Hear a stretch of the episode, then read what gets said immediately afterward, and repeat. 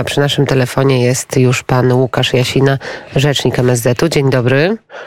No, głównie myślę jednak Ministerstwa Naszej Energii e, się tu zastanawia, my ich tylko w tym wspieramy, ale owszem, także te sprawy spędzają nam sens powiek od czasu do czasu. Mm, e, To e, dobrze, do, do ropy jeszcze wrócimy, e, panie Tak dyrektorze. E, Biały Dom, wczoraj konferencja rzeczniczki prezydenta Jane Psaki, która powiedziała między innymi, że decyzja o ewentualnym wysłaniu samolotów na Ukrainę leży w gestii Polski. O co chodzi i jakie jest właściwie stanowisko NATO i naszych sojuszników i Warszawy co do przekazania myśliwców na Ukrainę? Stanowisko NATO i stanowisko Polski jest w dalszym ciągu niezmienne. Znaczy nie ma jeszcze takiej decyzji. Nie ma decyzji o przekazaniu MIG-ów na Ukrainę. E, Jeżeli taka decyzja się zmieni, zostaną Państwo poinformowani. E, Ta decyzja zależy od bardzo, bardzo wielu czynników, e, również od rozmów ze Stanami Zjednoczonymi.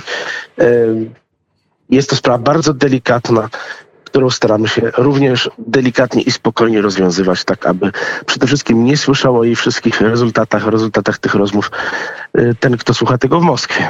No, E, Jane Psaki uważa trochę inaczej, bo e, ten temat cóż, poru, poruszyła. tak samo, pani Psaki. tak samo poruszył Antony Blinken, który nieoficjalnie pojawiła się także informacja, która spolaryzowała nas tutaj nad Wisłą, że Polacy Mhm. mają zielone światło do tego, żeby ewentualnie właśnie w- wysłać swoje W myśliwce. wywiadzie telewizyjnym to już jest kolejny sygnał z Białego to. Domu, który wskazuje panie- panie redaktor, na Warszawę, że to my jesteśmy jakby tutaj decydentami, że to od Warszawy wszystko zależy. Nie, nie jest tak, że zależy wszystko od Warszawy. Warszawa podejmuje decyzje w bardzo wielu szerokich kontekstach, e, również w związku z relacjami ze Stanami Zjednoczonymi. Ja myślę, że jeżeli taka decyzja będzie podjęta w najbliższym czasie, Państwa poinformujemy. Mm, Mamy nowe propozycje mm, co do rozejmu strony rosyjskiej, uznanie przez Kijów niezależności, mm, włączenia do Rosji Krymu, uznanie niezależności dwóch republik Łuchańskiej i, i Donieckiej. Nie ma już mowy o denazyfikacji, nie ma mowy o demilitaryzacji Ukrainy, nie ma też mowy o wstawaniu NATO na linię z roku 97.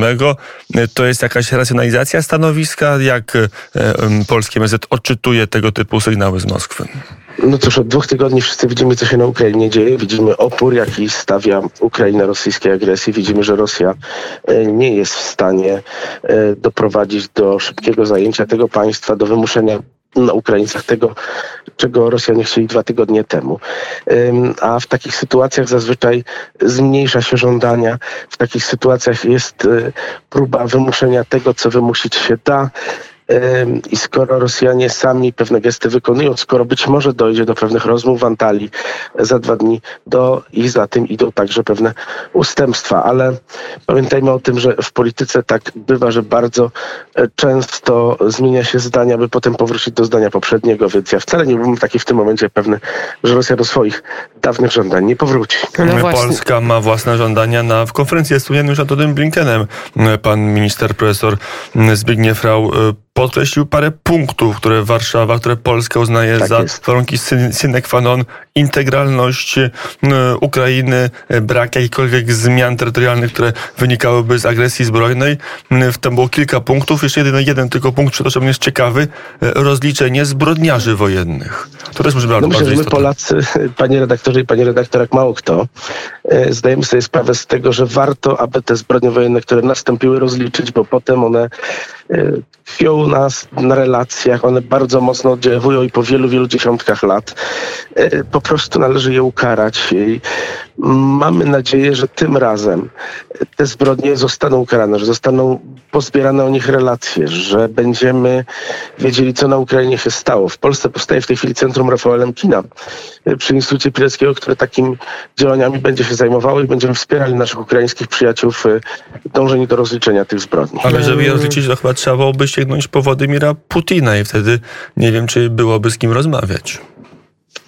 No cóż, ale tak czy siak do rozliczenia zbrodni następuje. Kiedyś, wie pan, 20 lat temu Slobodan Miloszewicz y, był prezydentem, a potem odpowiedział jednak za swoje zbrodnie. E, Mówimy tutaj o osądzaniu winnych, ale ja zapytam się teraz o e, osądzanie związane z ziemią. Mówię oczywiście o nieruchomościach. Pojawiła się informacja tydzień temu, że e, te nieruchomości, które znajdują się w Polsce, będą też e, w jakiś e, sposób e, odbierane Federacji Rosyjskiej, że będą bardziej uregulowane. Jak to wygląda dziś? Bo z Francji też płyną do nas informacje związane może nie z nieruchomościami Federacji Rosyjskiej, ale z nieruchomościami oligarchów, którzy takie nieruchomości posiadają. Jak ta sytuacja wygląda w Polsce i będzie wyglądać? Z tego co się orientuję, nie mamy żadnych nieruchomości oligarchów rosyjskich. Natomiast jeżeli chodzi o tą kwestię, o której wspominali Państwo na samym początku, mm, to znaczy nieruchomości, e, które nie do końca legalnie znajdują się w posiadaniu Federacji Rosyjskiej, e, to, to już jest kwestia zależna proceduralnie od e, choćby komorników. Czekamy na, na, na tytuły wykonawcze, które będą umożliwiały odzyskanie tych nieruchomości. A przyszłość, a przyszłość ambasadora Rosji w Polsce? Nie ma w tym momencie jeszcze decyzji ambasadora e, Federacji Rosyjskiej w Polsce, pana Andrzejewa.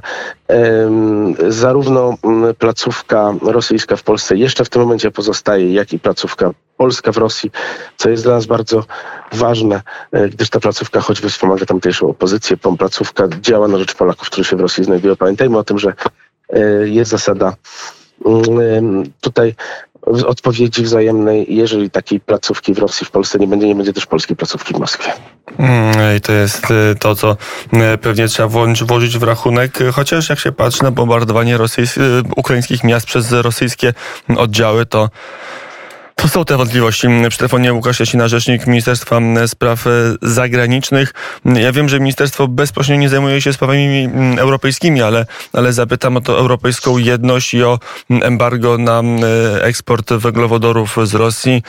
Premier właśnie wylatuje do Londynu, potem do Oslo, aby o te większe sankcje w tym zakresie także walczyć. Tymczasem sygnały z Niemiec są takie, że jakby Europa już się zmęczyła niektórymi sankcjami, tak jakby już Europa chciała mieć pewność, że gaz z Rosji, zwłaszcza do Niemiec, będzie płynął nieprzerwanie. A tym bardziej jeszcze zaostrzający się sygnał płynie do nas z Budapesztu, gdzie Węgry wyraźnie poinformowały, że nie poprą żadnych sankcji na rosyjski sektor energetyczny.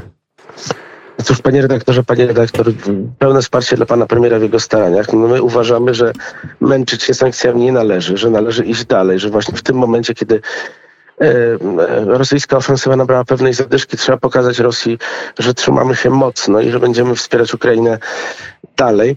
Nie da się, myślę, tej wojny przeczekać. E, nie da się tej wojny potraktować jako takiego krótkiego antraktu do takiego normalnego handlowania z Rosją. Niektórzy po prostu, tak jak Polska, wiedzieli o tym, że trzeba się przed Rosją energetycznie zabezpieczać. Mamy tą wielką szansę, że pod koniec tego roku się nam kontrakt z gazowy z Rosją między innymi kończy.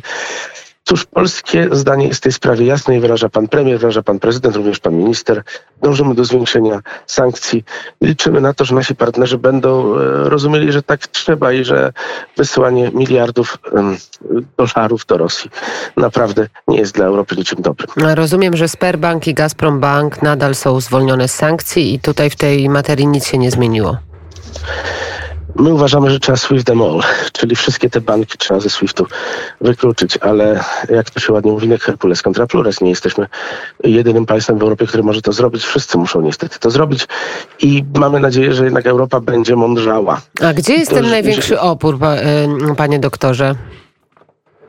Myślę, że to jest kwestia istniejących powiązań gospodarczych, to jest kwestia bardzo ważnych inwestycji wiele państw zachodnioeuropejskich, w tym również nasi niemieccy przyjaciele, nie do końca rozumie, że trzeba te sprawy zmienić raz na zawsze. Ale te zmiany i tak są ogromne w porównaniu z tym, co miało miejsce dwa tygodnie temu, panie redaktor. Inna sprawa, że my naprawdę nie mamy już na to czasu. Na Ukrainie dzieje się to, co się dzieje. Nie powinniśmy z tym zwlekać, ale, ale zwlekamy. dyplomatyczne mielą powoli. E, mielą powoli, zwłaszcza w Berlinie chciałoby się dodać i w Budapeszcie zresztą również, ale to już powiedziałem ja, a nie e, szef, e, a nie rzecznik polskiej, polskiej dyplomacji, żeby była jasność. Ale co do przyszłości, w tym tygodniu duże wydarzenia w Warszawie dyplomatyczne. Ma przyjechać wiceprezydent USA Kamala Harris, ma przyjechać premier Kanady Justin Trudeau. Co z tych wizyt wyniknie? Jakie mamy oczekiwania? Co sobie obiecujemy, zwłaszcza po wizycie wiceprezydent Stanów Zjednoczonych do tej pory pory te kontakty między polskim rządem a administracją Joe Bidena nie były najlepsze. Teraz chyba to się zmienia. No to się nie to, że zmienia, to się już dawno zmieniło, panie redaktorze. Od kilku miesięcy jest zupełnie inaczej. Mieliśmy sekretarza Blinkena i spotkanie z nim w Waszyngtonie. E, więc myślę, że te dawne nasze analizy dotyczące relacji polsko-amerykańskich to już jest zamierzchła przeszłość. No, mm, nawet Poza słynny wizytami... artykuł pana ministra Rała w Dzienniku Rzeczpospolitej, gdzie wzywał, że no. milczenie nic się nie da załatwić. I jak rozumiem teraz milczenia między Warszawą a Waszyngtonem nie ma, wręcz przeciwnie, jest ożywiony dialog. To jest historia, panie redaktorze, tak, to prawda. Natomiast poza tymi wizytami, o których Państwo wspomnieli, mamy jeszcze na naszym poziomie MZ-owskim wizyty szefów MZ Belgii, Norwegii, Brazylii. Szef MZ Brazylii przyjeżdża po to, aby zabrać stąd swoich rodaków, którzy uciekli z ogarniętej wojną Ukrainy. Mm, te wszystkie rzeczy, o których Pan mówił, e, zwłaszcza wizyta pani Kamali Harris, e, którą będzie przyjmował Pan Prezydent dzień przed Zgromadzeniem Narodowym, mają związek z architekturą bezpieczeństwa, która tutaj e, się wali, mają związek ze wsparciem dla nas w obliczu rosyjskiej agresji. Tak jak sekretarz Blinken dziękował nam za to, co zrobiliśmy. Polska dochowuje swoich zobowiązań, Polska wspiera Ukrainę. Polska Ale jest teraz to będzie rozmowa, to będzie wizyta konkludywna, tam coś zostanie ogłoszone, czy będą tylko rozmowy? panie dyrektorze? To już wie pan prezydent i on, myśli państwa, poinformuje. My wiemy o tym, że 500 milionów euro tyle ma trafić z Komisji Europejskiej na problem związany z uchodźcami, na tą całą akcję humanitarną. A jak wygląda sprawa środków z y, związanych z Krajowym Planem Odbudowy? Panie doktorze, proszę nam powiedzieć, czy my możemy się ich w najbliższym czasie spodziewać? Czy to, co właśnie dzieje się na naszej granicy, przyspieszy przyznanie tych środków, bo one są bardzo, bardzo potrzebne.